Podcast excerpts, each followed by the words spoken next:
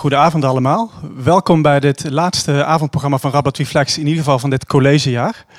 Um, we gaan het vandaag hebben over de grondwet, zoals jullie allemaal waarschijnlijk al weten. Um, en ik wil even vragen voordat we beginnen. Um, ik wil eigenlijk een beetje testen welke grondwetartikelen jullie nou kennen. kan iemand zeggen wat artikel 1 is? Bijvoorbeeld. Precies, dat is het inderdaad het Sylvanus-stuk. Ik hoorde net dat de partij niet meer zo mocht heten. Maar dat is inderdaad, artikel 1 is gelijke behandeling en discriminatieverbod. Artikel 6, is iemand daar bekend mee?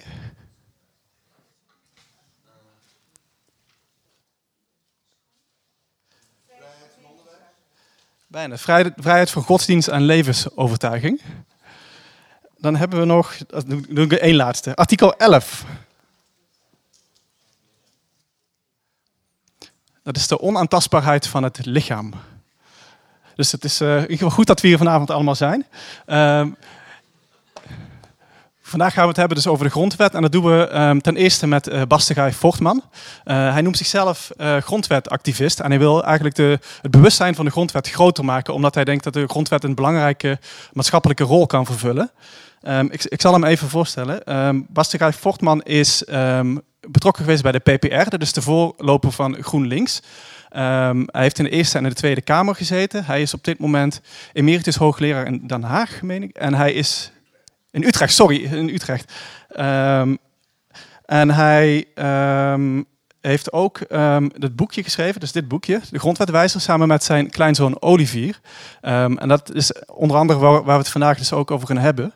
Even kijken, ik wil nog even een kleine anekdote. Um, uh, Vorman is in 1972, 1973 betrokken geweest bij de kabinetsformatie. Um, toen was de PPR een redelijk grote partij. Ze hadden een uh, vrij grote overwinning gehad van zeven zetels.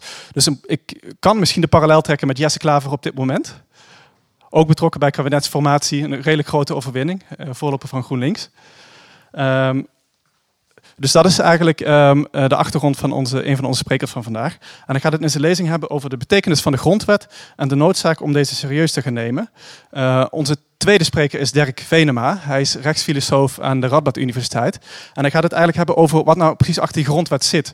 Dus hij gaat het hebben over de, uh, de verlichtingsidealen waar de grondwet op gebaseerd is.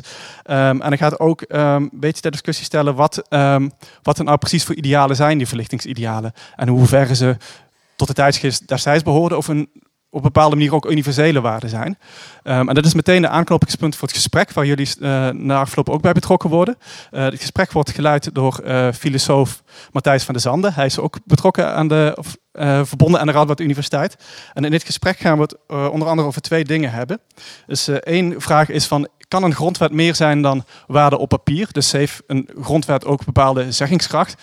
En daar zitten een aantal haken en ogen aan waar we straks over gaan hebben. Een tweede punt is uh, of de normen en waarden in onze grondwet een belangrijke rol moeten gaan spelen in de manier waarop we op dit moment politiek bedrijven. Dus denk bijvoorbeeld aan Geert Wilders die uh, bepaalde ongrondwettelijke uitspraken doet. En de vraag is, moet dat kunnen? Of is dat iets um, ja, is dat iets wat bij politiek hoort? Of is dat iets eigenlijk wat we met een grondwet um, de grond in zouden moeten drukken, eigenlijk, om het zo maar te noemen? Um, dat is een lang verhaal. Ik wil nu graag het woord geven aan de Bastegrijf Vochtman voor de eerste korte lezing van vanavond.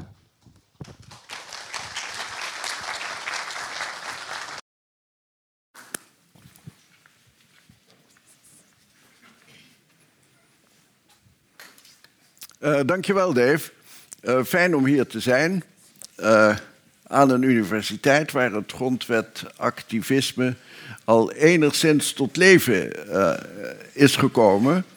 Uh, waar al een aantal uh, van u, van mensen in en rondom de universiteit betrokken zijn bij dat grondwetactivisme. En tot mijn vreugde ook collega's van één land, één samenleving. een initiatief van oud-politici, politieke voor mannen en vrouwen, uh, in 2006 opgericht op het moment dat de lijst uh, Partij van de Vrijheid voor de Vrijheid met, zes, met negen mensen in de uh, Tweede Kamer kwam.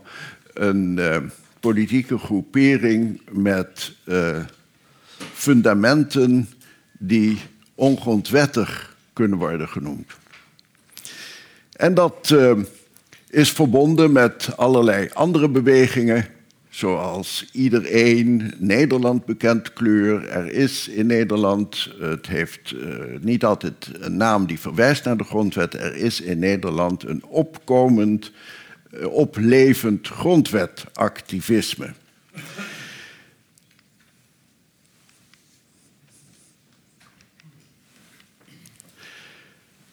Dit is dus de bedoeling vanavond. De grondwet als gids uh, is het genoemd. Daarover uh, heb ik met een kleinzoon een boekje geschreven. Daar komen we straks op. Een vervolg op moreel erfgoed. Maar waar het bij die grondwet uh, in Nederland om gaat... Dat, en wat we gedenken en vieren... dat begint met de grondwet van 1848. U ziet hier Thorbecke. de constitutionele monarchie, vastgelegd in de grondwet, niet alleen in de erfopvolging, die dateert van de grondwet van 1815, maar ook en vooral in eh, de parlementaire democratie. En dat ligt grondwettelijk vast. De koning is onschendbaar en dat betekent in de praktijk, politiek heeft de koning niets te vertellen. De koning is het staatshoofd. Wij scheiden eer van het staatshoofd, van de politieke macht, die ligt bij de Staten-Generaal. En de regering die het vertrouwen van de Staten-Generaal moet hebben. Uh, die grondwet vieren we dus. Ik heb hem meegevierd in, hij is van 1848, in 1998, 150 jaar grondwet. En dat was echt iets voor uh, deskundigen en geleerden. Een paar mooie symposia. Maar uh, dat bracht niet de grondwet tot leven. Uh, Thorbecke is niet alleen vanwege die grondwet een groot man. Hij heeft, is bijvoorbeeld ook degene die voor de burgemeester de ambtsketen heeft bedacht. Waarop er de beeltenis prijkt van vrouwen justitia, maar ook vrouwen concordia, eendracht. De grondwet die er nu is, die uh, heeft uh, kleine wijzigingen ondergaan sinds 1983. in um, 1976 sprak koningin Juliana over de grondwet. Daar zouden wetsontwerpen ter herziening worden ingediend. Dat is ook gebeurd. En tussen 76 en 83 is daar hard aan gewerkt. En u ziet hier twee kabinetten. Het uh, uh, kabinet Den Uil, waar de Partij van de Arbeid, je kunt haast wel zeggen, domineerde. Maar waar ook de Katholieke Volkspartij de Antirevolutionaire Partij aan meededen en de PPR en D66. En het kabinet van Acht, wat wordt wel genoemd van Acht Wiegel. Dus de wetsontwerpen zijn ingediend met de handtekeningen van een antirevolutionaire minister en een katholieke volkspartijminister en uiteindelijk uh, in het staatsblad gekomen met de handtekening van VVD'ers. Uh, de VVD heeft in die hele periode volop meegewerkt. Dus als we straks op de normen komen, en ik ga even terug, kijkt u even naar het citaat, want de tweede keer, een hele tijd is in de Staten-Generaal niet over de grondwet gepraat, maar toen, vorig jaar, uh, in de troonrede, hier staat 17, maar dat moet 16 zijn. In de troonrede, want die van 2017 die moet nog bedacht worden. Uh, die van 2016, daar zegt de koning namens de regering aan grondwettelijk vastgelegde normen kan niet worden getornd. En dat is in het kader van het typisch Nederlandse debat van de laatste jaren over nationale waarden. En als het nu gaat over nationale waarden, dan wordt er van alles bedacht. De ene politieke eh, leider heeft weer een ander idee dan de ander. Cultuur en waarden en normen worden door elkaar gehusseld. Cultuur is de wijze waarop wij om, eh, op onze omgeving reageren, ons manifesteren in verbanden, in gemeenschappen, rituelen en zo. Uh, normen zijn de regels en er zijn ook culturele regels.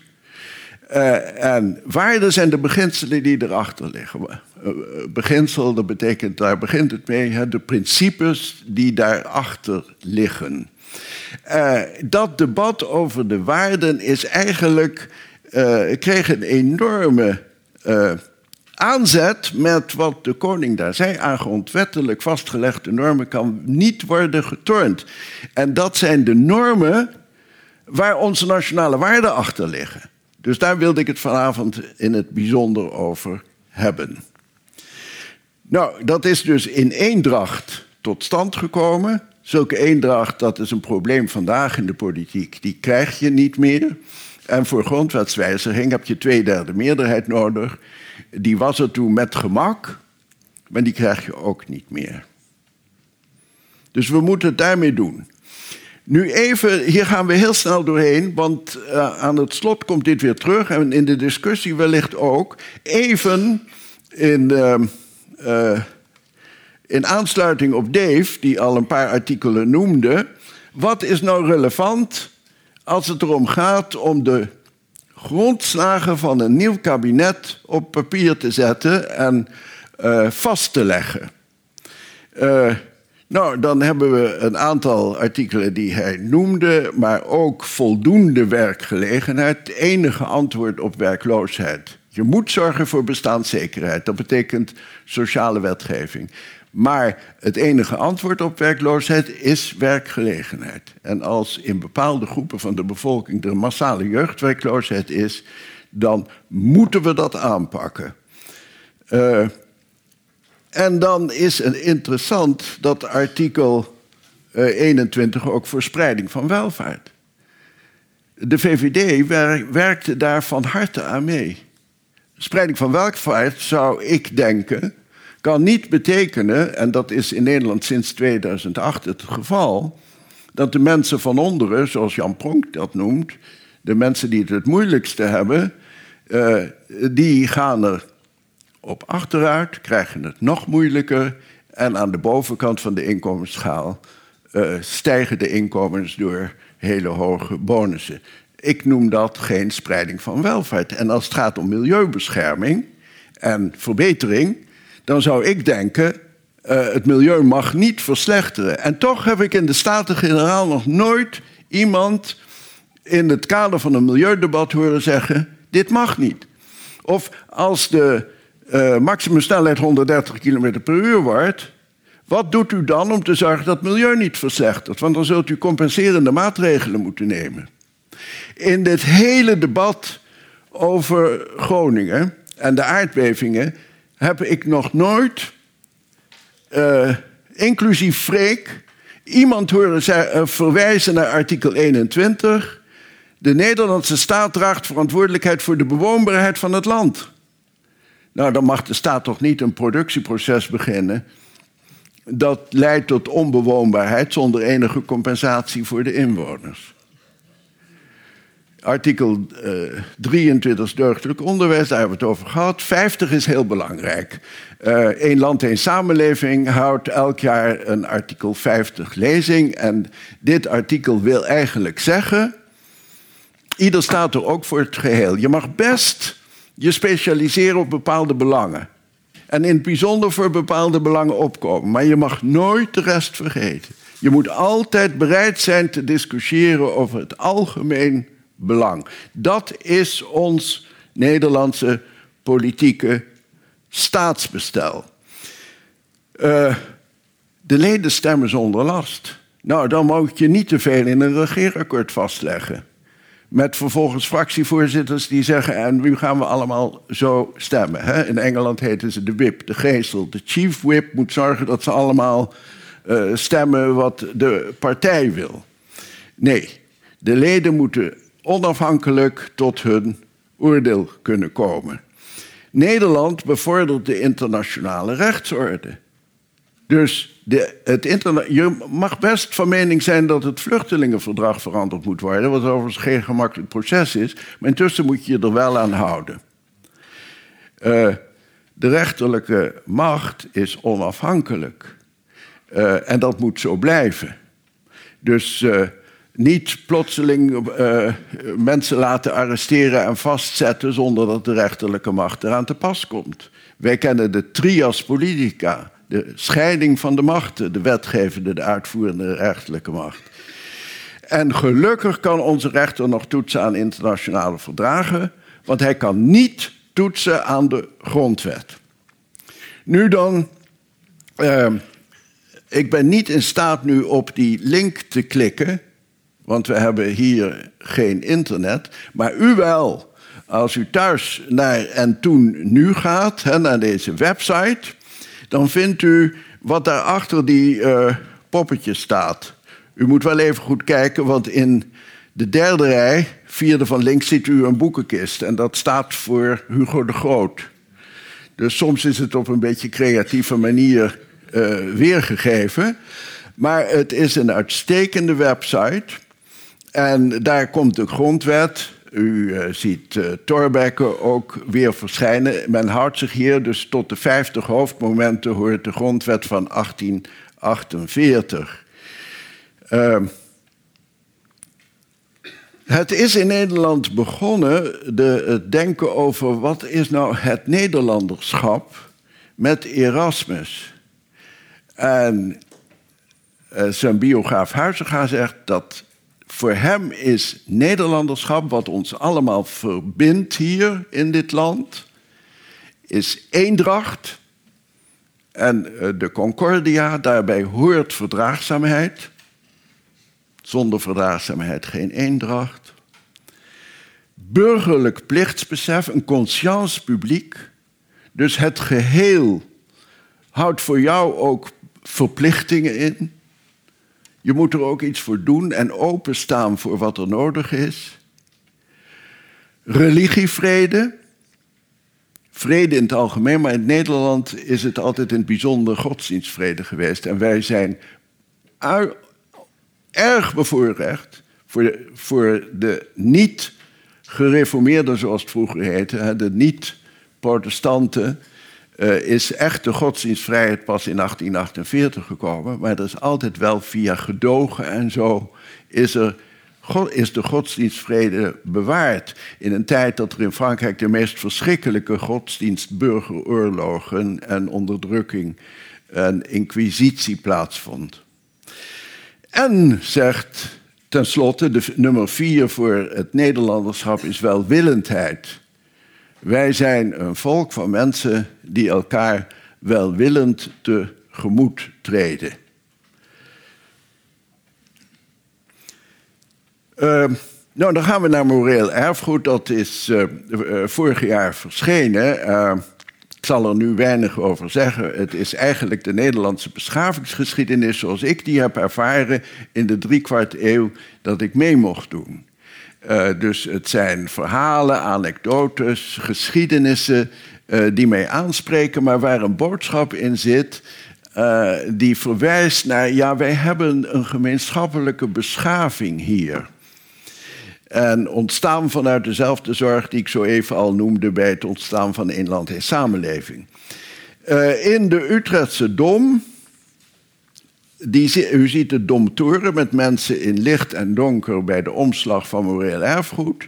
En in de Dom is de Unie van Utrecht getekend. Daar hebben zich later andere gewesten bij aangesloten.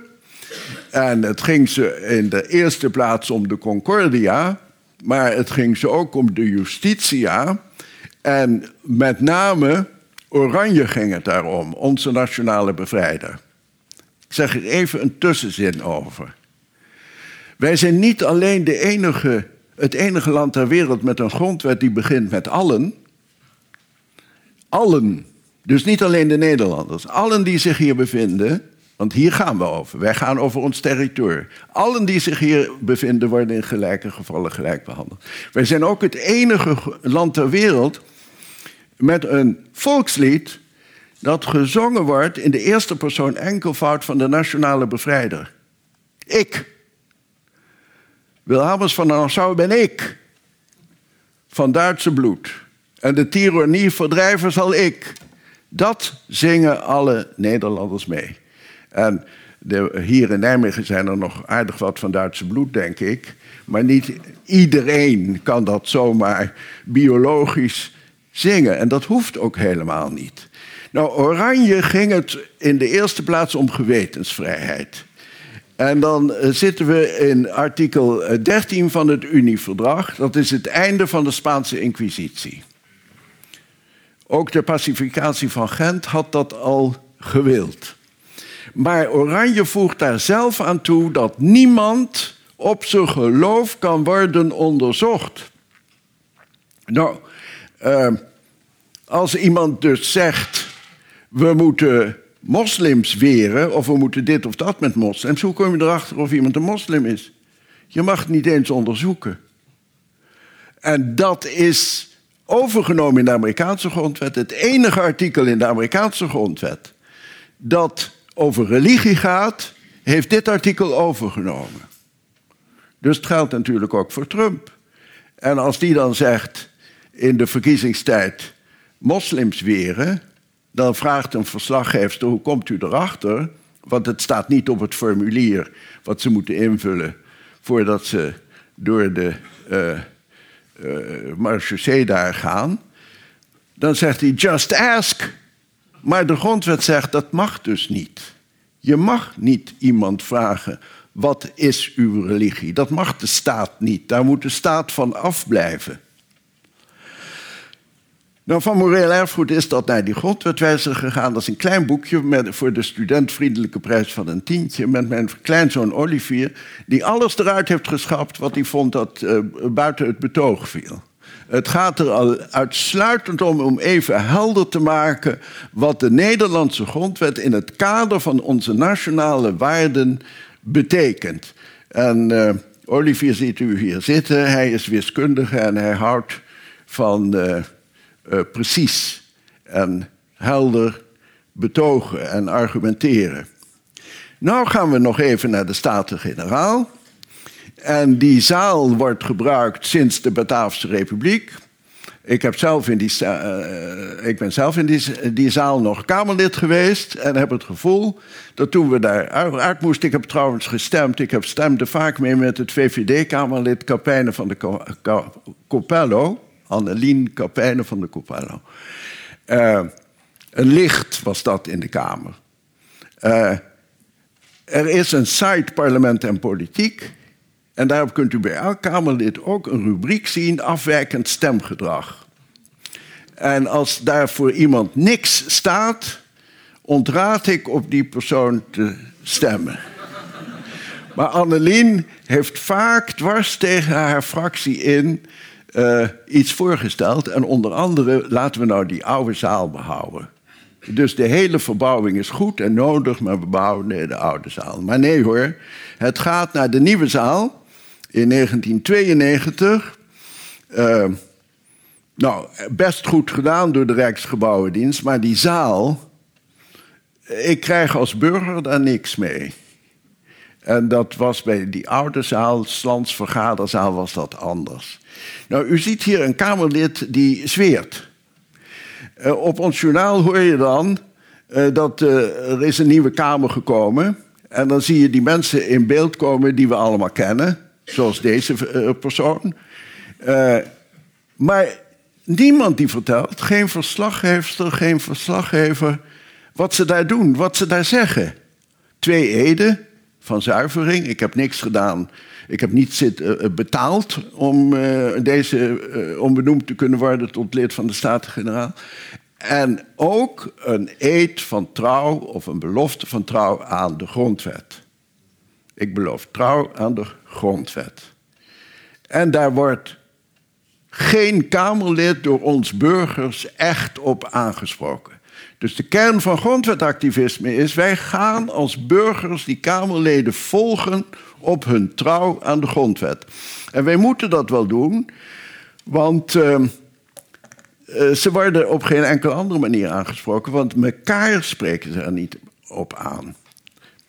Uh, artikel 1.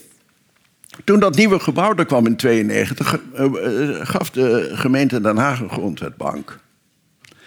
En hierop zien we iemand artikel 1 bijtelen. Nou, het staat er om te beginnen veel te laag. Dus je moet al helemaal bukken. Uh, met uh, het bestuur van één land en één samenleving zijn we ook aan het schoonmaken geweest. Deze man is heel goed bezig, maar die doet het met verf. Dus dat wordt dan weer verwijderd. Maar de Rijksgebouwendienst heeft er al een hele tijd weer niets aan gedaan. Het is nauwelijks leesbaar. Het zou hoger moeten. En als we daar zo trots op zijn, en dat mogen we zijn, dan moet het toch wel te lezen zijn. Nou, dit is dan de tekst. En dit is een Kamerlid die doet er wel wat aan. Die heeft het groene boekje van Tijn Kortman, een uh, grote Nijmeegse geest, uh, een staatsrechtgeleerde. Het probleem is alleen dat staatsrecht er niet veel mee, kan. Want uh, het zijn rechten waarvoor geen handhavingsmechanisme is bedacht, anders dan de Staten-Generaal zelf. De bewakers bewaken elkaar. Wie bewaakt de bewakers? Quis custodiat ipsos custodes. Oude Romeins-rechtelijke spreuk. Door Seneca aan de orde gesteld. Zijn vriend ging uh, op reis. En toen vroeg Seneca, maar wat doe je dan met je vrouw? Hij zei, daar heb ik een paar bewakers voor aangesteld. En dan komt die vraag, wie bewaakt die bewakers? Nou, dat is niet een waterdicht systeem en zo is het ook voor onze grondwet. Van der Staaij is nu van plan om in de Kamer aan de orde te stellen... als iemand zich beroept op de grondwet... moeten we dat in een bepaalde commissie aan de orde stellen... en dan terugkomen in de openbare vergadering.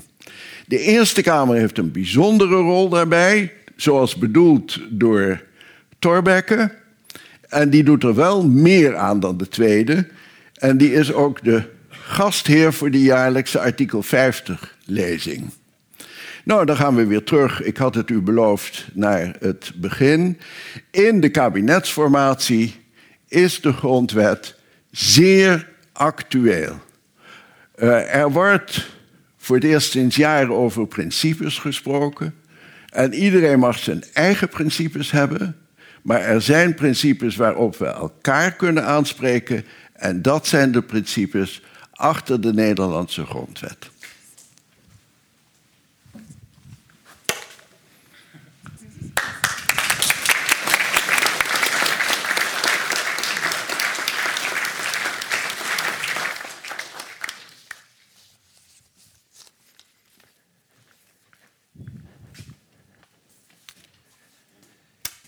Dat was een mooi verhaal. Daar uh, kan je bijna alleen maar sympathie voor hebben. Um, hoewel ik dus um, uh, zelf ook zal proberen een wat ander perspectief op de grondwet uh, over het voetlicht uh, te brengen. Um, betekent dat niet dat ik, dat ik tegen dit project ben of, zo, of zoiets dergelijks. Ik ben er juist misschien wel eerder voor dan tegen. Maar ik wil graag wel wat, uh, uh, wat haken en ogen daaraan uh, bespreken. Eh, maar eerst zal ik een paar woorden zeggen over wat zit er eigenlijk achter die, die grondwet en die idealen en dit, die daarin tot uitdrukking zijn gekomen. En dan um, vooral de grondrechten. Want er staat een heleboel in de grondwet. Wilt u nu al een vraag stellen? stellen? Nou, laten we het eventjes bewaren. Dat is misschien iets, iets handiger dan uh, uh, ook in verband met, uh, met de tijd. Niet waar, Dave? Oké, goed.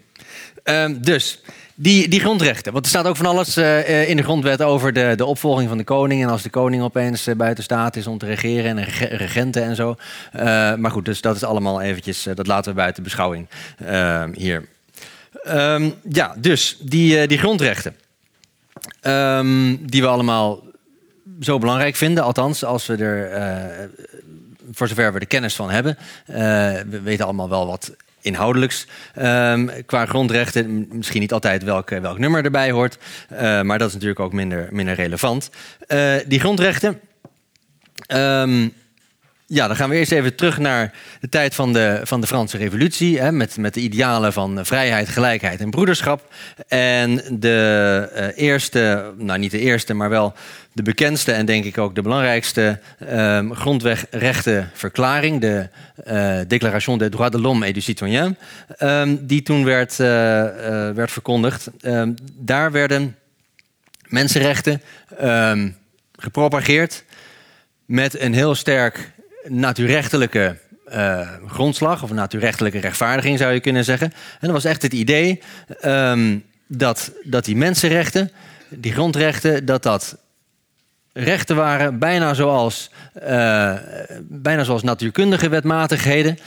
dus het verbaast me ook niets dat uh, meneer de Gaai Fortman samen met zijn natuurkunde studerende kleinzoon dit project heeft, heeft aangevat. Um, want die, die natuurrechtelijke inslag van die mensenrechten, dat, heeft, ja, dat kun je het beste zien als het idee dat, dat die, die mensenrechten, die waren er altijd al.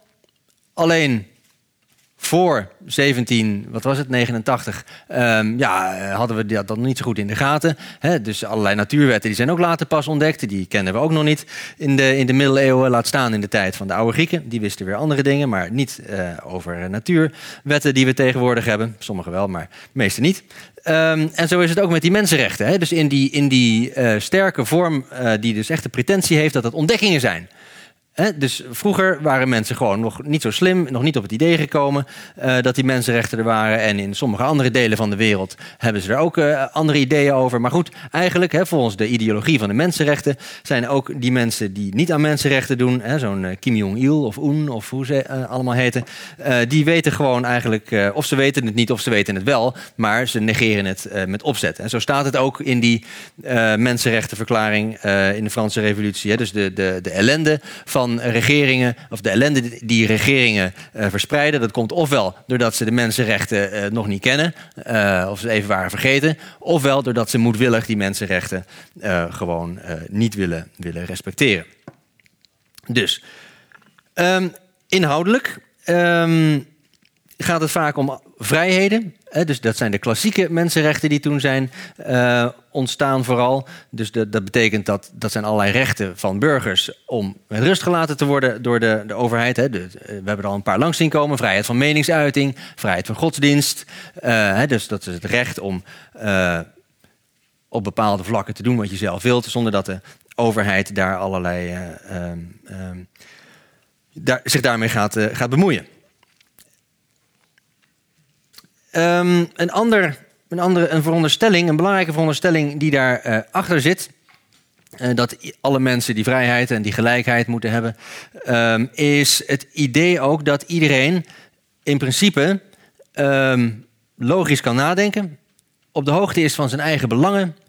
En met zijn vrije wil die belangen efficiënt kan nastreven. Ook in de economie wordt nog steeds uh, tot op zekere hoogte uitgegaan van een dergelijk mensbeeld de homo economicus.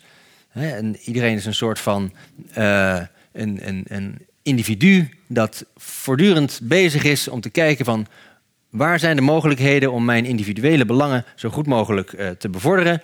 Um, en daar moet, moeten die individuen ook de vrijheid voor krijgen. Daar ligt ook een aangrijpingspunt voor, uh, voor Marx om, dat, om die mensenrechten te bekritiseren.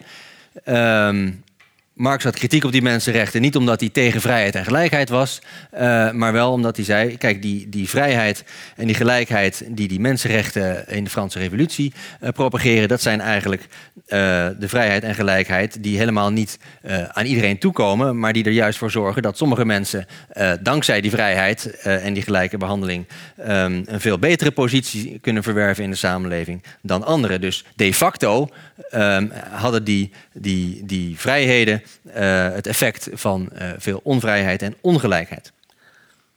Mm. Maar goed, dus um, die, uh, die veronderstelling van dat we allemaal individualisten zijn die onze eigen belangen logisch rationeel kunnen nastreven. Um, kijk, omdat we allemaal vrij en gelijk zijn, kan er alleen maar worden geregeerd met instemming van al die individuen die in principe gelijkwaardig zijn, omdat ze allemaal uh, even goed kunnen nadenken over wat ze wel en niet willen. Daarom uh, hebben we verkiezingen.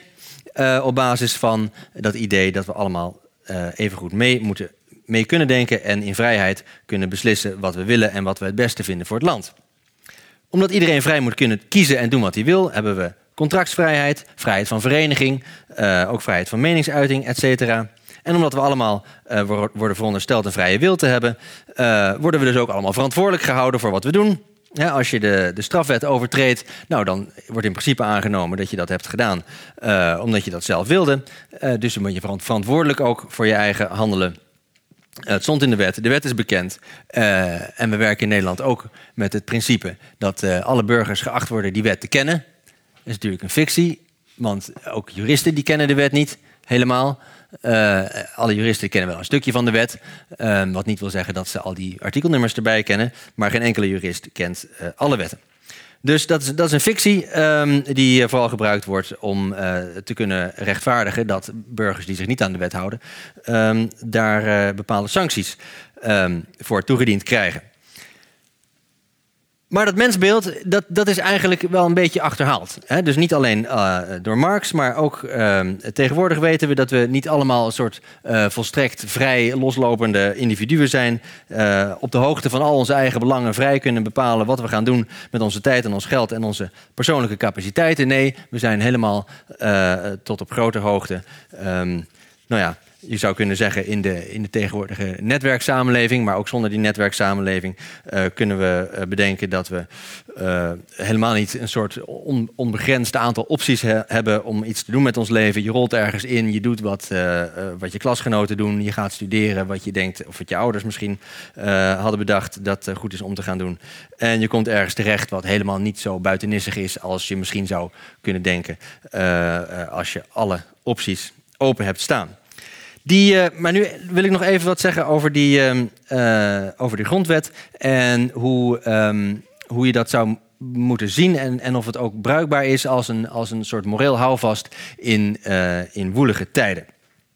Um, kijk, dus die, die, grond, die, die grondrechten, uh, ehm, 200 jaar geleden was dat revolutionair en werkte dat ontzettend goed om uh, ervoor te zorgen dat uh, overheden uh, zich wat minder gingen bemoeien met, met hun burgers, zodat de burgers meer vrijheden kregen. Um, en later ook sociale grondrechten kwamen erbij om die burgers ook materieel, hè, dat was aan de ene kant in het straatje van Marx, om de, de, de burgers ook materieel een beter leven uh, te laten krijgen. Eigenlijk was het natuurlijk tegen uh, de bedoeling van Marx. Want Marx die dacht als het allemaal maar ellendiger, ellendiger en ellendiger wordt, dan komen ze uh, vanzelf in opstand. Maar ja, als er uh, steeds meer sociale rechten, grondrechten worden ingevoerd, dan verdwijnt die bereidheid tot revolutie natuurlijk ook.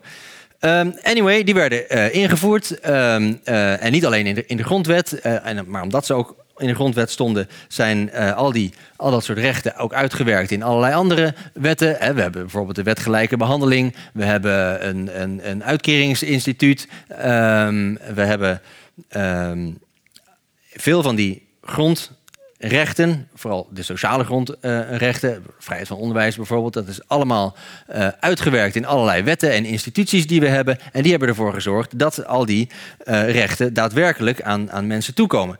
Um, dus dat we op dit moment uh, genieten van al die rechten, dat heeft misschien wat minder te maken met het feit dat ze in de grondwet nog steeds staan, maar wel met het feit dat ze geïnstitutionaliseerd zijn uh, op allerlei manieren.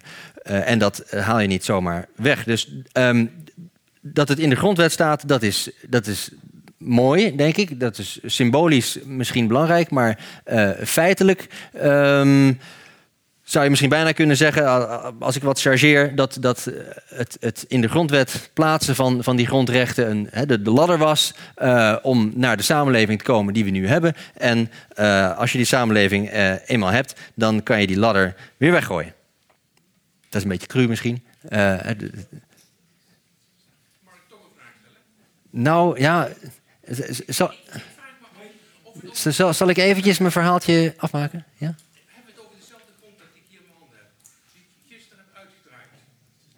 Dit is. Ja, waarschijnlijk wel. Nou, vooruit. Eén vraagje dan. Als je dus de hele grondwet uitprint. Ja. Dan heb je 15 pagina's, meer niet. Als je de hele content uitprint, dan zijn de grondrechten de eerste 2,5 pagina. Meer niet. Ja, dat klopt.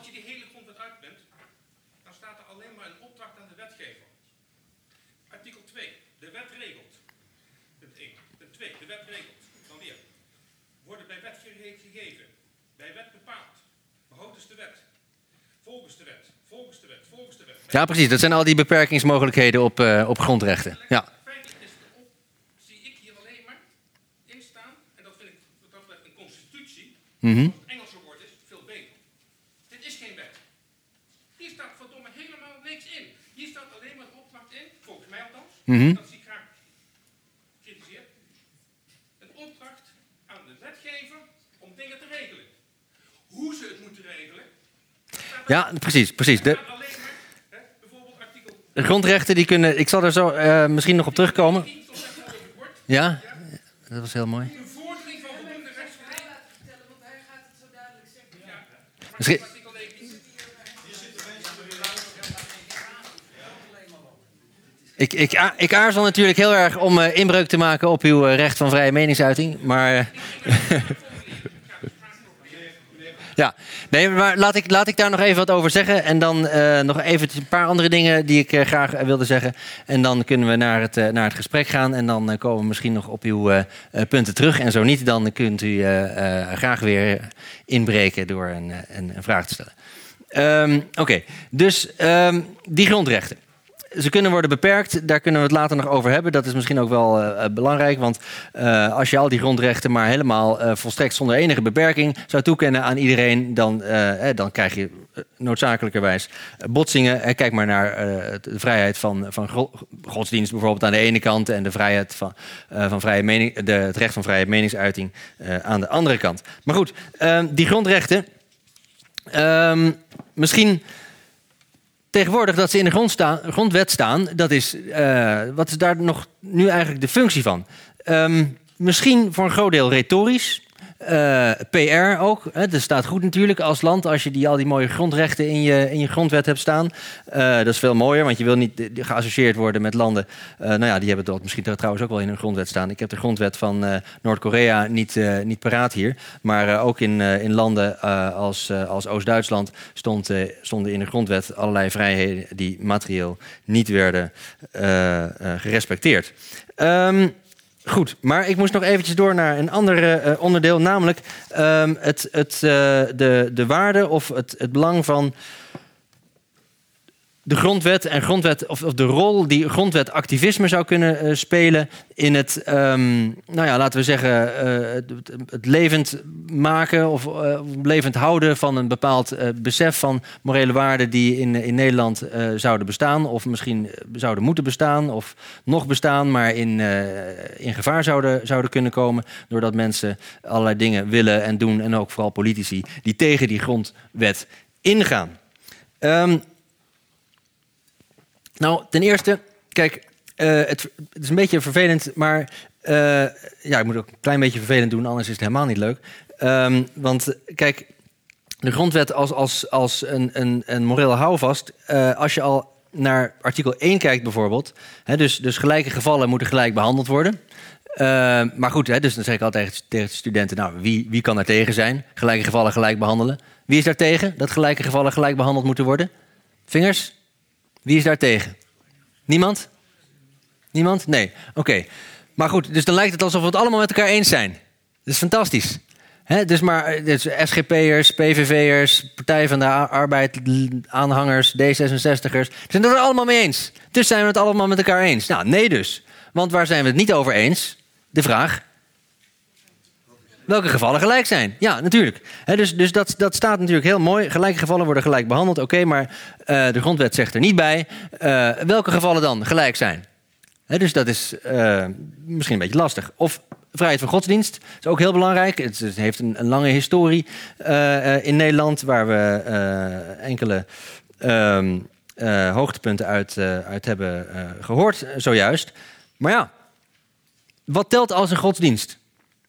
En wat niet? Dus wanneer, wanneer tel je als godsdienst met je, met je, met je clubje als je een, een, een, een bepaalde nieuwe eh, godsdienst hebt of een onbekende godsdienst eh, die ergens overgewaaid is uit een deel van de wereld waar mensen eh, vandaan zijn komen migreren? Ehm, ja, is, spreekt het dan vanzelf dat die erkend wordt?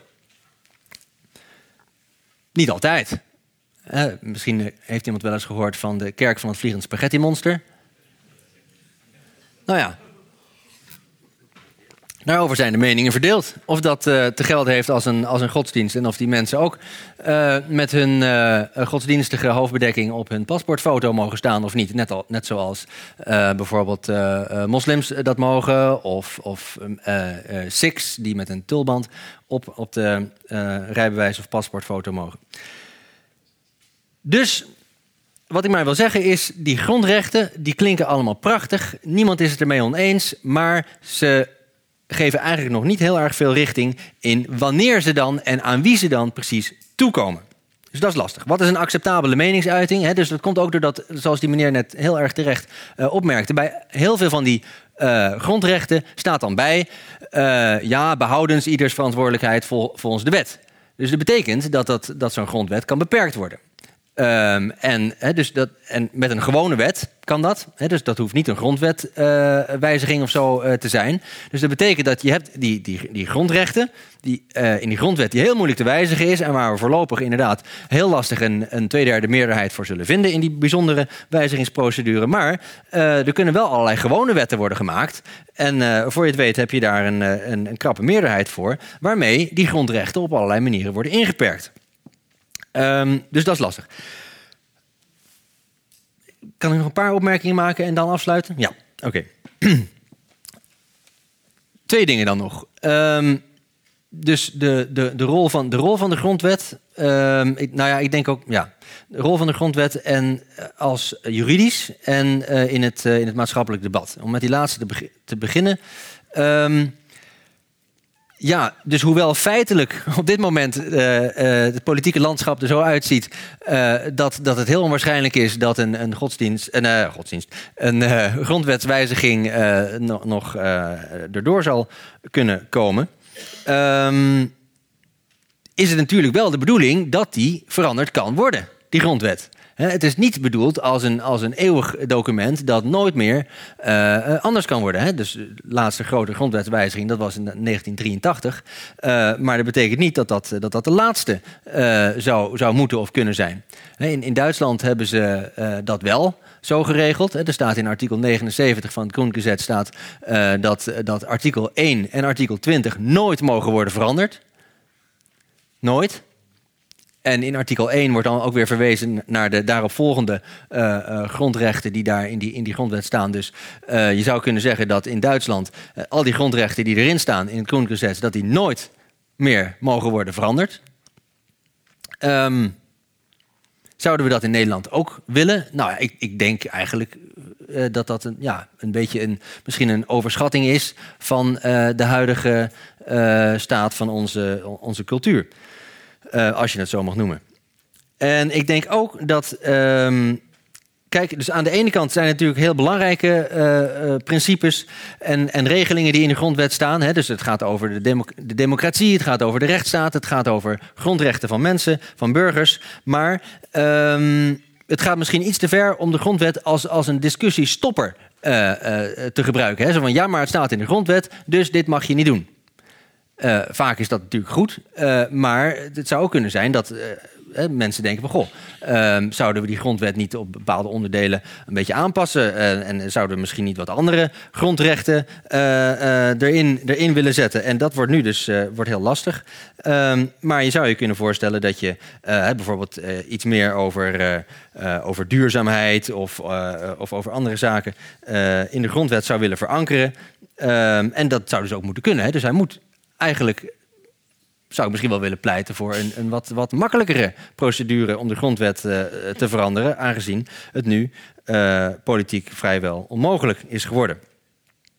Uh, en, en tenslotte denk ik dat we dus de, de, de rol van de grondwet niet al te veel mogen moeten overschatten. Uh, dat gebeurt nogal eens uh, door, door uh, politici of, of, of, juristen dat ze denken dat hun eigen uh, rol in de samenleving zo belangrijk is dat als zij wegvallen, dat dan de, hele boel in elkaar dondert. dat, dacht, dat dacht de Hoge Raad ook toen ze tijdens de Duitse bezetting besloten om, om aan te blijven en niet uit protest op te stappen ehm, onder de Duitse bezetter. na de bevrijding rechtvaardigden ze dat als volgt. Zeiden ze ja, Kijk, als er geen hoge raad is, dan gaan mensen hun schulden niet meer betalen. Moet je eventjes die paar tussenstappen bedenken die daartussen zitten. Dus mensen die denken, hé, hey, er is geen hoge raad. Dus er is niet een uiteindelijke instantie in dat hele rechtssysteem uh, dat, dat het recht kan handhaven of zo. Alsof er uh, geen rechtbanken en gerechtshoven uh, meer zijn. En, en dus, dus zal het hele systeem in elkaar vallen. Maar dat is natuurlijk niet zo. Dat is niet zo. In, in Noorwegen stapte de Hoge Raad wel op en daar bleven mensen ook hun schulden gewoon afbetalen. Hè? Dus, dus um, de rol van de grondwet, denk ik, daar, daar zou je misschien hetzelfde over kunnen zeggen. En uh, het is allemaal natuurlijk een beetje gechargeerd en ook voor de discussie bedoeld. Um, kijk, als die grondrechten weg zouden vallen, hè, dan, dan, zou het niet meer, dan zou het niet zo zijn, denk ik, stel ik hier bij deze, uh, zou het niet zo zijn dat de, al die rechten, vrijheid van meningsuiting, godsdienst, um, uh, vereniging, vergadering enzovoort, uh, ook gelijke behandeling, zou het niet zo zijn dat al die rechten in één keer um, in gevaar komen. En nog één laatste opmerking over dat, die prachtige foto die werd uh, getoond van, uh, van uh, dat, dat, dat, dat, dat, artikel 1 stoepje daar bij de Tweede Kamer. dat nauwelijks te lezen is inderdaad. die meneer die dat, dat zat te dicht te plamuren. dat was een kunstwerk van Jonas Staal. Jonas Staal, conceptueel kunstenaar, die vond ook dat het totaal onduidelijk was. En die dacht, nou daar ga ik wat aan doen. En dat symboliseert misschien ook wel dat je dat, dat artikel 1, hè, dus gelijke gevallen in gelijke gelijk gevallen gelijk behandelen, dat je dat, dat, je dat vol kan stoppen met, met, met willekeurig welke inhoud. Hè? Namelijk uh, naar gelang je uh, onderscheid maakt of niet tussen bepaalde uh, gevallen. Vindt dat ze gelijk zijn, ja of nee. Daar wil ik het graag bij houden. Um, kunnen we naar het gesprek.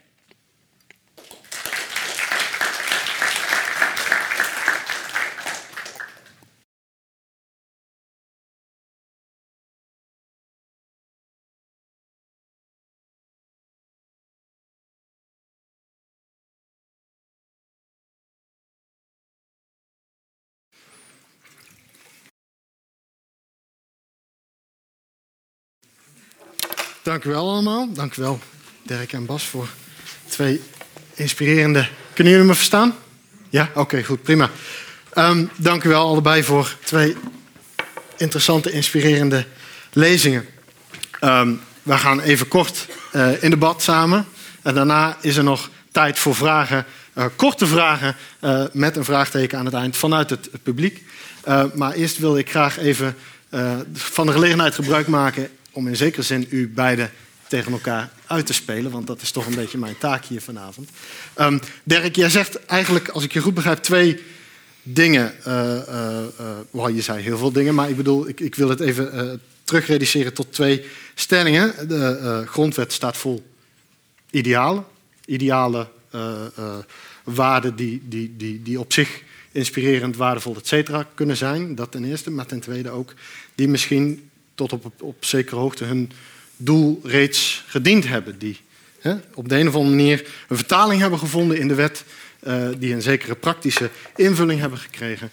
Uh, maar die ook daarmee maken dat die grondwet als zodanig misschien meer een soort, ja, hoe zeg je dat? Een soort, een soort horizon schetst of een soort van ideaalbeeld schetst. PR. Veel meer dan iets. Hm? PR. PR, exact. Uh, dan, dan veel meer een moreel kader waarvanuit we politieke discussies moeten duiden of onze, onze eigen politieke positie moeten bepalen. Terwijl in het verhaal van Bas hoorde ik juist vooral dat laatste uh, uh, perspectief. Uh, de grondwet zou veel meer moeten worden omarmd als een kompas, waar we ons politiek op moeten. Dus ik zou met jou willen beginnen. Hoe zou je op Dirks perspectief reageren? Want er zit een duidelijk verschil in het perspectief, lijkt me. Nou, ik begrijp dat wel. Um, maar het houdt daar niet bij op. Uh, juridisch uh, staat onze grondwet zwak. Uh, en hij is ook niet echt geformuleerd met het oog op een ijzersterke nationale morele retoriek voor het Nederlanderschap en de Nederlandse burger en de Nederlandse staat. Maar ehm, hij heeft die mogelijkheid wel in zich. Artikel 1 is Een hele sterke formulering. Laat ik even één voorbeeld noemen, dan zijn we meteen concreet. Uh, wat er in de oorlog is gebeurd. Uh, 10 mei 1940, Duitse inval. Hoge Raad is net in vergadering bijeen. Voorzitter, Lodewijk Ernst Visser, opent de zitting met dit is een verschrikkelijk moment. In de hele geschiedenis van de Hoge Raad niet eerder voorgekomen. Uh, hij noemt het misdadig. Uh, hij gebruikt de allersterkste bewoordingen om te veroordelen wat de Duitsers ons hebben aangedaan. Dat was, je kunt zeggen, dat is normaal, maar dat was het toen helemaal niet. Er is wel uh, verzet geworden, maar uh, er werd van, en er vanuit de regering in ballingschap werd er, werden er dingen gezegd, maar het heeft nog een hele tijd geduurd voordat Nederland echt principieel in verzet kwam. Er komt een ARIA-verklaring. Eerst een verbod om Joodse ambtenaren te bevorderen of nieuwe te benoemen. Dan komt er een ARIA-verklaring. Al, vrijwel al onze overgrootouders, bedovergrootouders, hebben die getekend. En daarin moest je invullen, als je ambtenaar was, en dat was de helft van Nederland, het hele onderwijs, eh, politie, alles was ambtenaar. Eh, dat jouw vier grootouders niet van Joodse afkomst waren. Dat, dat is allemaal gebeurd. Dan zegt het, het college van secretaris-generaal zegt helemaal niks. En de Duitsers reageren niet op hun aanbeveling een beetje voorzichtig te zijn, want het kon wel eens weerstand oproepen. En op de volgende vergadering nog steeds niks. En dan zegt iemand, ja maar verdorie, wij zijn de hele grondwet vergeten. Artikel 3, Elke Nederlander is eh, benoembaar in elke openbare functie. Totaal vergeten. En dan zegt de ander, ja, maar we zijn ook godsdienstvrijheid vergeten. En niemand mag op zijn geloof worden onderzocht. Helemaal vergeten. Nou, ze uh, geven dat niet eens meer door aan de Duitsers. De Hoge Raad krijgt het verzoek van uh, Telders met name namens een aantal rechtshooghleraren Zeg nou eens even waar het op staat. Moeten wij die verklaring tekenen of niet? En de Hoge Raad besluit niet te tekenen, er geen protest bij te voegen. En hun voorzitter, die Jood is, Lodewijk Ernst Visser was een Joodse Nederlander, die laten ze finaal in de steek. En die wordt dan ook ontslagen. Nou, de Noorse uh, uh, rechters die hebben collectief ontslag genomen. Hè. Daar is wat jij uh, citeerde voor na de oorlog een, een, een, ja, een soort van rechtvaardiging van hen. Maar er was geen moreel leiderschap. En de grondwet geeft een basis voor moreel leiderschap. Al die artikelen die zo even werden getoond, die zijn echt relevant. Daar zit een moreel Nederlandse, algemeen Nederlandse overtuiging achter. Ik sta voor uh, niet alleen partijpolitiek, meer dan partijpolitiek heeft mij altijd geïnteresseerd wat ik noem diepe politiek. De politiek boven de politiek. En die, en in dat kader ben ik, noem het maar een opportunity snatcher. Door de, door de ontzuiling zijn we de kaders kwijtgeraakt waarin we elkaar moreel aanspreken. Maar er is nog zo'n kader. En dat is de Nederlandse grondwet. En het geluk, uh, gelukkige toeval doet zich voor dat die zich voor ons allemaal geldt. En waarom zou je doorgaan met een eed van trouw laten zweren? En het staatshoofd zweert zelfs die te onderhouden en te handhaven. Uh, waarom zou je daarmee doorgaan als je het niet serieus neemt? Nou, dat, Van der Staaij wil daar nu iets aan gaan doen in de Tweede Kamer. In de Eerste Kamer komt er, uh, is er een toenemende neiging om wetsontwerpen op hun grondwettigheid te beoordelen. Want die wetgever die heeft dan weliswaar een, een opdracht gekregen, maar die moet die opdracht ook waarmaken achter elk artikel liggen, in elk artikel liggen normen vast en achter die normen liggen onze nationale waarden. Nou, laten we blij zijn dat in een tijd van eh, verwarring en eh, zweverigheid, eh, politi- eh, politieke eh, instabiliteit, ontwrichting, dat we ook nog zoiets hebben als onze grondwet. Dus als ik u goed begrijp, dan zegt u... als we die alleen maar als idealen zien, om het zo maar te zeggen... dat is te vrijblijvend. Een moreel-politiek kompas. Dirk, zou jij daar nog op willen reageren? Eh, jawel. Ehm, over de Hoge Raad in oorlogstijd, denk ik, zou- zouden we met elkaar met gemak eh, een paar avonden vol kunnen, kunnen praten. Dus dat doen we maar niet. Ehm, maar, ehm, nee, maar kijk, dus het, het gebruik als, als, als moreel kompas. Eh, om dat voorbeeld van die godsdienstvrijheid eh, weer aan te halen. Ehm, dus daar staat ook in. eh, je bent vrij in je, in je godsdienst eh, en je godsdienstuitoefening, behoudens ieders verantwoordelijkheid volgens de wet. Zoals in, in veel van die grondwetartikelen erbij staat.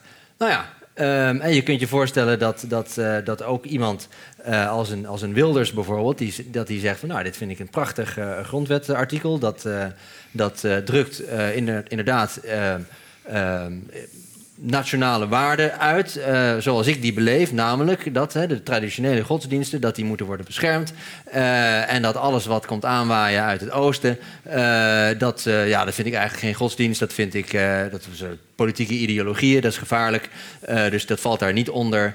Eh, en bovendien eh, kan die misschien nog, als die daar een beetje goed voor lobbyt en dat een beetje handig formuleert, wat, wat wetten laten laten aannemen die, die daadwerkelijk ook die, die beperkingen in- zich zullen opnemen. Dus, dus, ehm, eh, dus ik denk dat zowel ehm, als, eh, ehm, als argument als ook ehm, in de praktische werkbaarheid het, het, het lastig is om zeg maar, echt, echt één ideaal ehm, in, in die grondwet eh, te lezen. Hè? Dus, dus er zijn allerlei interpretaties mogelijk. En, en eh, het is misschien zelfs mogelijk voor heel uiteenlopende politieke bewegingen om die grondwetartikelen voor hun karretje te spannen.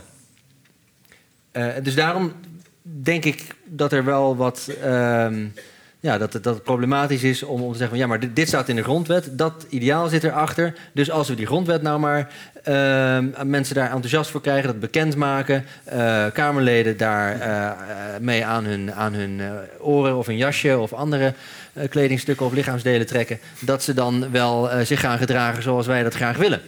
Dus je zegt eigenlijk, die, die, die grondwet, die, die normen die in de grondwet zijn vastgelegd, zijn dusdanig breed en dusdanig vaag dat ze op allerlei verschillende manieren nog kunnen Ja, het is de vraag wat het, wie, wat het eigenlijk zijn. Hè? Dus het is, het is vrij voor interpretatie. En de ene die gaat er de ene kant mee op, de andere gaat de andere kant Ja, mee op. de- Ik sluit me liever aan bij de, bij de kant van, eh, van de vorige spreker. Eh, maar maar eh, ja, je kunt je voorstellen dat, dat iemand, iemand anders daar heel andere eh, nationale waarden eh, in ziet. Hè? En ik vind ook, kijk, dus als je praat over nationale waarden, ehm, hè, dan. dan is het gevaar dat je, dat je zegt dat je voor eh, dat je pretendeert voor zeg maar, de, de, de hele groep van alle Nederlanders, eh, te- of in ieder geval allen die zich in Nederland bevinden, hè, die allemaal gelijk behandeld Tuurlijk. worden, dat je, eh, dat je voor alle mensen gaat spreken. Terwijl, en dat is Ja. retorisch natuurlijk mooi en dat, dat werkt ook misschien, vooral voor de eigen parochie. Maar hè, snap je, dus of, of het nou echt daadwerkelijk iets, iets gaat ehm, veranderen ten goede, wat wel te hopen zou zijn. Ehm, eh, ook ten aanzien van die groepen mensen die het misschien in eerste instantie niet zo met ons eens zouden zijn. Dat waag ik te betwijfelen. Zo te zien wil u reageren. Nou, da- eh, dan spreek je ze erop aan. En eh Wilders die eed van trouw aan de grondwet. Ja. Is inclusief artikel 1, is Ja. inclusief artikel 6. Eh, de vorming van het kabinet Rutte 2 met gedoogsteun van de partij van Wilders was uitgesproken ongrondwettig. En er zitten formuleringen in het gedoogakkoord waarvan je dat rechtstreeks kunt aantonen. Dat is in strijd met de grondwet. En namelijk dat onderscheid. Daarvan zeggen ze, ja, daarover hebben wij verschillende meningen. Ja, maar zelfs als eh, aanvaard zou worden dat de islam geen godsdienst is. Wat natuurlijk van de gekken is. Hè? Een wereldgodsdienst sinds eh, 600. Eh, eh, dus eh 2 miljard mensen heb- hebben geen godsdienst maar een ideologie, dan nog valt het, Marxisme-Leninisme, dat mag je ook van overtuigd zijn, dan nog valt dat onder artikel 1. eh, levensbeschouwing en politieke overtuiging. Daar mag je niet op discrimineren. En gelukkig zijn er mensen die dat ook in de Staten-Generaal nu gaan doen. Niet veel, maar het gaat, wordt wel meer. Als je bijvoorbeeld, heeft het Kamerlid de Graaf van de PVV... die eh, had een betoog, dat was alleen maar citeren uit eh Koranartikelen... eh, in de vertalingen die hij voor zich had. Eh, toen zei als je maar, meneer, u blijkt eh, meer, eh, u kent al die suna's, maar uw eigen grondwet kent u niet. Toen heeft hij niet gezegd, die ken ik wel. Toen heeft hij ge- gezegd, ja, maar u, want dan gaat het op de jijbak. Ja, maar u onderschat het gevaar van de islam. Ja, we kunnen best praten over wat er verkeerd gaat in bepaalde godsdiensten. Maar we mogen niet discrimineren. Discriminatie betekent niet te rechtvaardigen onderscheid. Dus als je dat onderscheid maakt, dan moet je dat kunnen rechtvaardigen. En dat kun je niet rechtvaardigen eh, gezien artikel 1 en artikel 6 van de grondwet. Maar- Dus je moet het debat voeren. Je kunt nooit eh, mensen dwingen iets te vinden, maar je kunt ze aanspreken op verstand en geweten. Maar, ja.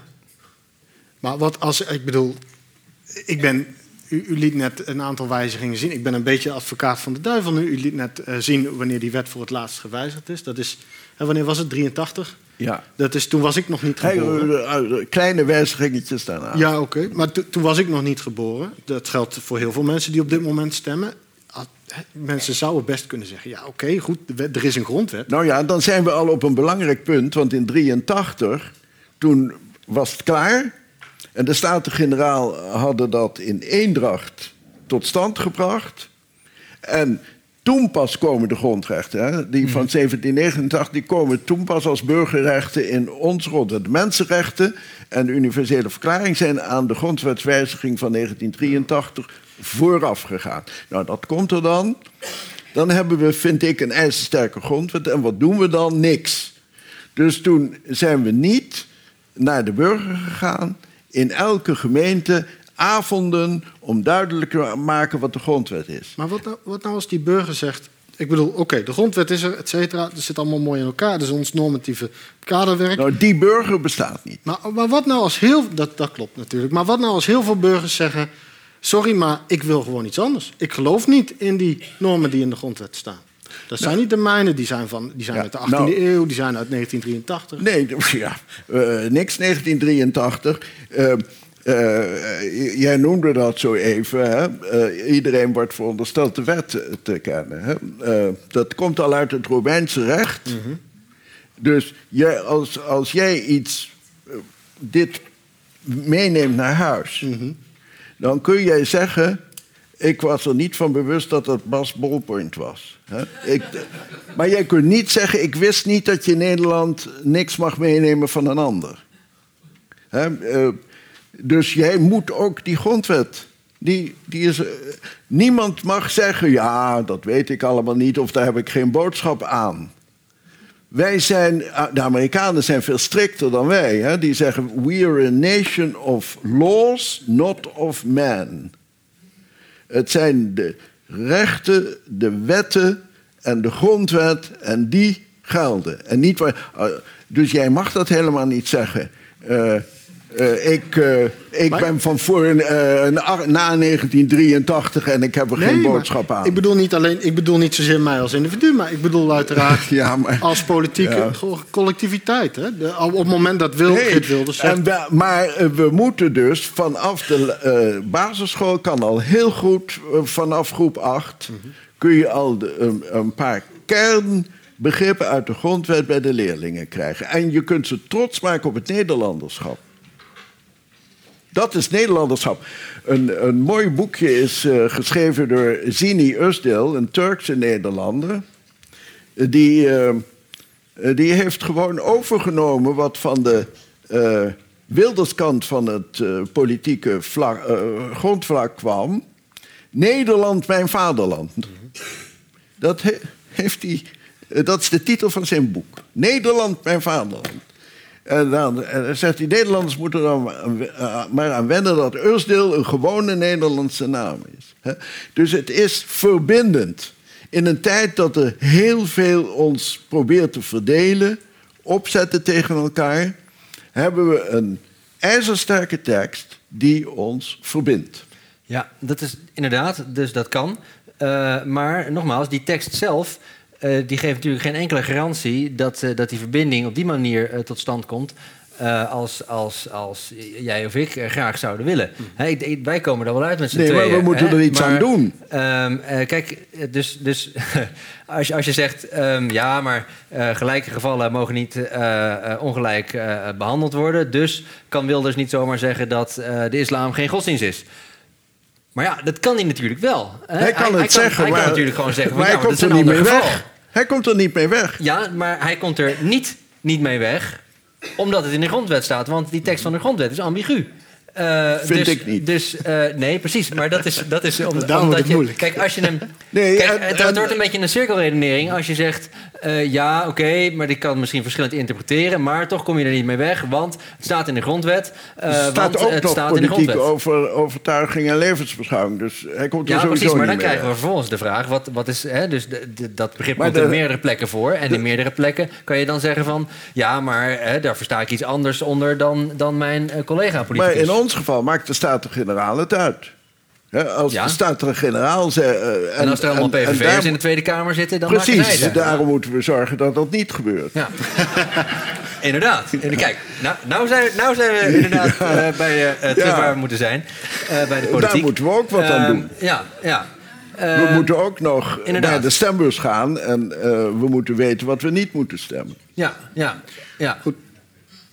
En, en, en als ik u goed begrijp, de grondwet kan daar een middel bij zijn. Kan daar een referentiepunt in zijn. U Ja, heeft het over eh, grondwetactivisme. Het is een goed en retorisch ik- middel, maar geen zie, garantie. Ik zie nu in de bovenpolitiek niet zo gauw waar we het van moeten hebben... eh, met uitzondering van de grondwet. Want we moeten met al die pogingen om ons te verdelen... en tegen elkaar op te zetten... en de problemen bij één bepaalde groep te leggen... eh, zie ik daar een kracht voor verbindend Nederlanderschap. Dat brengt me tot een, tot een laatste vraag voordat we naar het publiek gaan. Eh, want wat hebben burgers dan daaraan te doen? Wat, wat kunnen burgers dan doen om die grondwet volgens u eh, meer te laten gelden als een, als een moreel kader? Nou, om te beginnen moeten we zorgen dat de burgers een notie hebben hè, van, de, van de grondwet. Dus dat, dat, dit is een heel lang. Ja, dat, eh, en de, in de grondwetwijzer staat die ook afgedrukt, helemaal. Dus die hoef je niet te printen. Die staat achterin als bijlage met daarboven wat bij elk artikel eh, de kern van het artikel is. Eh, maar je of je moet kunt dus de grondwet-app eh, downloaden. Eh, die bestaat ook nog. ja, dat kan. eh, dat kan. Je kunt hem downloaden, Ja. je kunt hem printen. Je kunt hem ook in dat, met de hele uitleg erbij in dat boekje krijgen. En dan heb je hem bij je. Ik heb dagelijks bij me de, de tekst van de grondwet. Maar dat is in Nederland nog niet in een mooi klein boekje. Ik heb ook de tekst van de Amerikaanse grondwet. Die heel erg boeiend is. En waar je eigenlijk niet op laat, eh, raakt uitgekeken. En die je dan in, in eh, momenten van in, in rijen, eh, als je moet wachten, eventjes kunt, weer kunt opslaan. Maar daar leeft die wel. En daar hebben ze een Civics 101. Wij hebben nu een nieuwe inburgering. Hè? Mensen moeten een examen doen. Met exa en daarna mo- moeten ze, is net aangenomen door de Eerste Kamer. Tekenen een participatieverklaring. Ik heb kennis genomen van waarden zoals Nederlandse waarden. Gaat totaal voorbij aan de grondwet. Ze moeten er hun handtekening onder zetten. En beloven, ik zal die waarden uitdragen. In Amerika al vanaf 1798, I support the Constitution. Als je dat niet belooft of zweert, word je geen Amerikaans staatsburger. Waarom hebben wij dat niet? En dat, dat is er al. En dan wordt er een, een, een, bedrijf aan het werk gezet om cursussen burgerschapskunde te ontwikkelen. Het is helemaal gecommercialiseerd. Wij kunnen niet zomaar bekijken wat op die uh, inburgeringscursussen wordt geleerd. Want dat is allemaal geprivatiseerd, uh, in de markt gegooid. En die mensen beschermen hun documenten. Met de grootst mogelijke moeite heb ik kunnen vinden wat voor onzin daar aan onze nieuwe Nederlanders wordt uh, geleerd. Nee, we hebben een hele lange weg te gaan. Met inzet. Met inzet. Goed, ik neem aan dat er meer dan genoeg vragen uit het publiek zijn. Zo te horen is er een hoop. Dus ik wil mensen vragen om kort vragen te stellen. Uh, zodat we nog enige tijd hebben voor uh, uitgebreid antwoord van Dirk of Bas. Ik zag daar ginds iemand al met de vinger. Ja. De microfoon wordt naar je toegebracht. Zou het helpen als in Nederland de wetten getoetst kunnen worden door de rechter aan de grondwet? Als? De wetten aan de grondwet getoetst zouden kunnen worden. Ja, uh, uh, daar had ik voor gestemd. het is niet voorgesteld in het wet. Er was een wetsontwerp Halsema tot wijziging van de grondwet. En dat ging met name over de burgerrechten. Uh, maar dat eh, kreeg in eerste instantie wel twee derde meerderheid in de Tweede Kamer. Maar uh, gewone meerderheid was al genoeg. Werd in de Eerste Kamer aangenomen met één stem verschil. En is in de tweede lezing eind vorig jaar gesneuveld in de Tweede Kamer.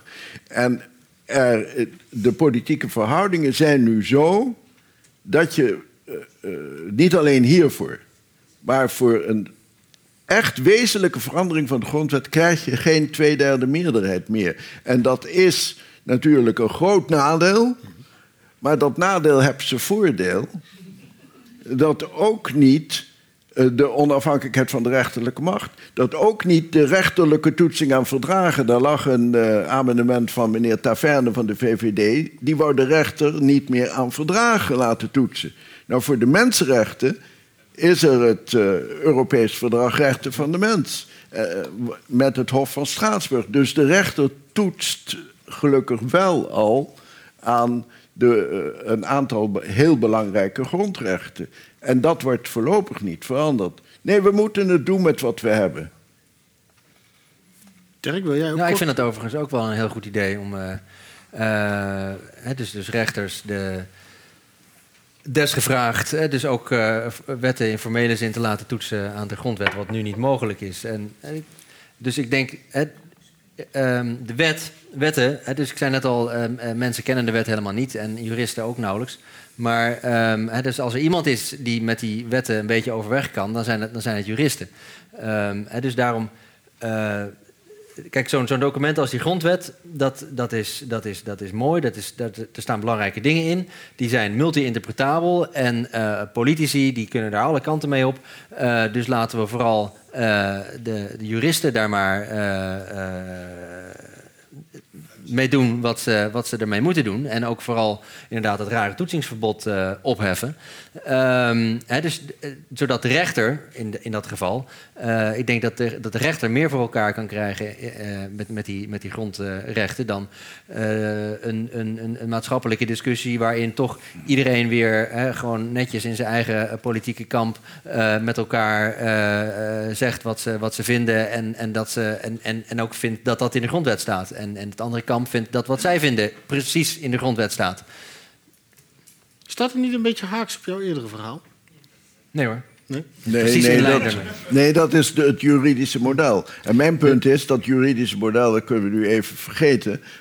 Helaas, want ik zat er ook voor gestemd. Mm -hmm. Maar we hebben nog de mogelijkheid om de burger te mobiliseren op het punt van zijn eigen grondwet. Dus bijvoorbeeld die voorkeurstoetsen, dat behandelen we ook. Mijn kleinzoon was daar een uh, op gespecialiseerd om na te gaan wat, wat doen. Wat, wat die voor, politieke voorkeurstesten, die stemhulpen. Nou, die houden je dingen voor die ongrondwettig zijn. Uh, dus als jij bent voor het weren van moslims aan de grenzen, dan komt eruit, dan moet u PVV stemmen. Ja, dus uh, daarmee wordt de burger niet bewust gemaakt. Wat u vindt, is heilig. Het gaat er ook steeds meer naar, uh, we moeten stemmen Hè, eh, liefst eh, ook nog per referendum van alles. Ook als het gaat om verdragen van 400 bladzijden. Dan moeten we daar als burger een oordeel over geven. En voor zover we dat niet doen, moeten er voortdurend opiniepeilingen zijn. Eén vandaag panels eh, over wat wij vinden. Eh, wij is dan het groepje mensen die zich daar heeft laten re- registreren. En dat, dat telt. Wat, eh, maar wat we nodig hebben is inhoudelijk debat. Ik, meneer daarachter met... Ja, nee, achter u, sorry. Ja, u zat al eh, het eerste met een vraag. Ja. In hoeverre is het eh, debat op Nederlands niveau nog relevant? Als we kijken, dus een eh Verenigde Naties hebben re- Charta van de Rechten van de Mens.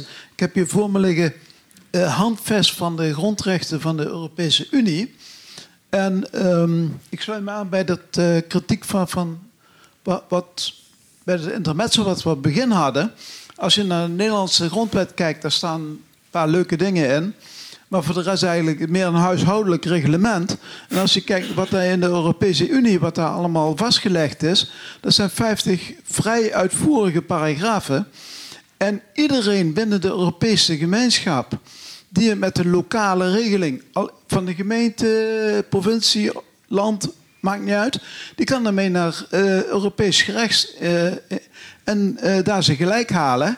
En dan moet de lokale overheid zich daaraan aanpassen. Dus in hoeverre is dat nog relevant en zouden we niet beter gewoon over die Europese rechten kunnen hebben? Nee, maar dat is het, een of, het is niet het een of het ander. Alleen, ik denk niet dat we een, een Nederlandse Civics 101, hè, dus een algemeen burgerlijke bewustwording, een bewustwording van het Nederlandse burgerschap en wat dat inhoudt in onze verhouding tussen tot de staat en tot de medeburger, dat we dat krijgen via de Europese of de VN-weg. En ik, ik zit er zelf in. Mijn hele leerstoel heeft te maken met mensenrechten en de Verenigde Naties en, en, en eh, de Europese Unie. Maar ik spreek mijn buurvrouw makkelijker aan op de Nederlandse grondwet dan dat ik eerst die Europese en internationale weg in, insla. En bovendien, het is onbenut. Het is een onbenut moreel-politiek reservoir. En kom even terug op die aardbeving in Groningen. Er staat gewoon in artikel 21 letterlijk dat de overheid zorg draagt voor de bewoonbaarheid van het land. Nou, dan kun je, moet je toch ook de overheid daarop gaan aanspreken. Dat begrijpt iedereen. Prima. We gaan even terug naar meneer daar. Ja, uw vraag. Mijn vraag gaat over de grondwet en de trias politica. En, De grondwet en en de trias politica. Neem de microfoon even, meneer, dan. de, Mijn vraag gaat over de de grondwet scheiding van de drie machten, en de scheiding der drie machten. En ik vind, dat, ik vind beide fantastisch. Eh, laat ik vooropstellen, voordat het te kritisch wordt bekeken. Ik denk dat wij dezelfde maatschappij nastreven. Dus ik denk dat we van ideologie van gelijke soort zijn. Eh, ja? Oké. Nou, mijn idee over de grondwet is, en dat wil ik dan graag even bekritiseerd krijgen, is dat de grondwet, en dat werd net al gezegd, is een soort van huishoudelijk reglement. Het is geen wet. Het is, de naamgeving vind ik al fout. Het is volgens mij geen wet, het is een constitutie. Ze is een opdracht, per definitie dus daarmee ook aan de wetgever. En gezien de trias politica is dat dus ook per definitie niet iets wat thuis hoort bij de rechterlijke macht. Het hoort namelijk bij de wetgevende macht. Op het moment dat je de rechter laat toetsen aan de grondwet, dan maak je eigenlijk van de rechter een kleine wetgever. Eén zin nog. Is, bent u het daarmee eens of bent u het daarmee oneens? Nou, dat is heel interessant. eh, maar ehm, eh, ja, kijk, dat leren we onze studenten ook. Hè, eh, om daarover na te denken. eh, of dat gewenst is eh, om, een rechter aan, aan de grondwet wetten te laten toetsen. Of die dan niet een beetje hè, eh, zijn, eh, zijn eigen bevoegdheid eh, eh, te, te, te buiten gaat. Maar kijk, dit dus trias politica betekent niet dat, dat die drie machten zeg maar, door, door een soort van, van eh, firewalls of zo gescheiden zijn. En nooit iets met die anderen te maken mogen hebben. Maar het betekent dat er een, een zeker evenwicht eh, moet Nee, zijn. nee, nee, nee, nee, nee, nee. Meneer. eh, we, gaan, we gaan door Nou ja, naar de kijk, dus de, de wetgever die, die kan dat natuurlijk goed balancen door eh, eh, regels te maken over wat, wat de rechter mag en wat de rechter niet mag. Dat is geen sector balance. Oh. Goed. Meneer. Is er, is er ooit een reden op genoemd waarom de rechter in Nederland eh, uitspraak, niet wetten kan toetsen aan de grondwet? Is daar een reden voor? Leg er. maar uit. Ja, die, nou ja. dat, dat is onder andere wat, eh, eh, wat die meneer net, net ook zei. Hè, dat is, dat, nou ja, ik kan dat allemaal niet goed horen. Ja. nou ja, dus, dus eh, men wil graag dat, eh, dat de wetgever eh, bepaalt welke wetten gelden en welke, welke niet gelden. En dat, dat de rechter daar niet al te veel tussen gaat zitten. Hè. Dus de rechter kan overigens Tussen wel. zitten, de, de, het, het aan de grondwet, de Nederlandse grondwet, Mhm. dat is toch niet er willekeurig maar eens wat bijhouden? Nee. Nou ja, kijk, halen? er zijn dat is toch de er zijn- grondwet? Er zijn argumenten voor, voor beide eh, eh, posities te geven natuurlijk. En, en die argumenten kun je allebei ontlenen aan het idee van de trias politica. Dat is een beetje het lastige in, in, die, in die discussie. En eh, in het Nederlandse recht is het toevallig de ene kant opgevallen. Eh, in andere stelsels is het de andere kant eh, eh, opgevallen. Waar, waar, hè, dus zodat de rechter daar wel eh, formele wet- wetgeving kan toetsen aan, aan de grondwet. De, de rechter kan wel weer lagere wetgeving, provinciale en gemeentelijke wetgeving toetsen aan de grondwet. Dat kan de rechter wel. Maar eh, blijkbaar was eh, eh, toen dit werd vastgelegd in Nederland de overwegende mening, althans bij politici die daar eh, de doorslag over konden geven, dat eh, nationale wetten, dat is een zaak van, van de wetgever. eh, en die mag de rechter niet zomaar opzij zetten eh, met een beroep op, eh, op de grondwet. Een grondwet die, zeker sinds 1983, allemaal van die multi-interpretabele grondrechten bevat. Dus daar is wel wat voor te zeggen. Maar Prima. Dan, dan kan je ook zeggen, dan Nee. heb je die grondwet dus niet echt nodig. Voor het, voor het gros van de zaken die juridisch aan de orde zijn, heb je hem dus niet nodig. Dat is, de dat is denk ik dat is de waar. Eh, maar dat betekent niet dat hij daar niet meer van belang is. En, en de rechter kan, zoals ook net al gememoreerd is, eh, wel aan eh, mensenrechten verdragen eh, wetten toetsen. Eh, dus in die zin is dat, is dat voor grotendeels ondervangen. We, gaan, we, gaan nog, we hebben nog Oh, tijd voor één laatste Maar vraag. mag dus je één gaan naar- opmerking nee, over nee, nee, wat nee, achter nee, mij nee. gezet werd? Over dat je het toch kan toetsen aan de Europese wetgeving. Ja, maar- Dat is niet zo. Nee. Want je moet eerst in de, naar de rechter in Nederland... voor je naar het Europese Hof kan. Nee, maar de rechter Maar- in Nederland mag ook aan De het Europese toetst aan het eh, Europees verdrag van de rechten van de mens toetsen. Ja, ja. Goed, we gaan naar de laatste vraag, meneer daar. Ja, dank u wel. Ik hoorde u zeggen dat u de grondwet eigenlijk ziet als een soort product van onze Nederlandse waarden. En nou is die grondwet eigenlijk natuurlijk oorspronkelijk geschreven als bescherming van de, voor de burger tegenover de overheid. Ja. En nou is er in de loop der jaren natuurlijk al steeds meer geaccepteerd dat ook burgers tegenover elkaar een beroep op de grondwet mogen doen. De zogenaamde horizontale werking Ja. van de grondwet. Maar vindt u dan, als daar een algemene moraal uit voortvloeit uit die grondwet, dat we die horizontale werking niet ook zouden moeten uitbreiden? Zo, ja, een technische eh, kijk, deze dialoog, daarmee kan ik al niet naar mijn overbuurvrouw. Dus waar ik mee begin is de tekst. En hetzelfde heb ik bij de Universele Verklaring van de Rechten van de Mens. Dat is eh, juridisch omstreden of dat dwingend recht is. Eh, eh, ik zal u daar niet mee vervelen. Ik heb daar ook een mening over. Maar het is in elk geval een ijzersterke, moreel geladen retoriek. Waar, en eh, in landen waarin onderdrukking plaatsvindt, eh, daar, eh, ik heb daar zelf mee te maken gehad. Daar gaat die verklaring, en dat, is, dat zijn maar een paar velletjes, als broodjes warme worst over de toonbank. En de regering kan niet zeggen: dit eh, mag niet gelezen worden, want ze hebben er zelf voor getekend. Ze hebben zich als lid van de Verenigde Naties zijn ze eraan gebonden. Dus eh, doe het met wat je hebt. En eh, dan is het heel erg meegenomen dat je er met naar de burger kan gaan.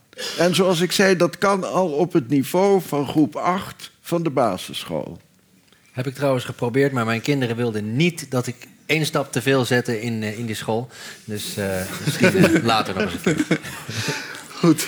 On that note wil ik jullie allebei hartelijk bedanken. Graag gedaan. Ehm, Bas de Rij Fortman, Dirk Venema en natuurlijk ook eh, Radboud Reflex hartelijk dank. En u allen, publiek hartelijk dank voor uw komst. En tot het volgende academisch jaar. Of ga jij nog een laatste woord van afsluiting? Even eh, kort. eh, dus dit was het laatste avondprogramma van, deze, van dit collegejaar. We zijn wel nog op 15, 17 en 19 juli te vinden op het festival op het eiland tijdens de Vierdaagse. En daarna zijn we weer terug op 4 september met een Hoe doe je dat over man slash vrouw zijn. En op 7 september hebben we een lezing van Derek Gregory. Hij is geograaf en hij gaat spreken over bombardementen en emotional detachment in combinatie met moderne oorlogsvoering. Dus in ieder geval hopelijk tot dan. En je, je hebt iedereen aan bedankt. Ik wil natuurlijk Matthijs van der Zanden ook nog even bedanken. Dank u wel. Bedankt. En wel thuis allemaal.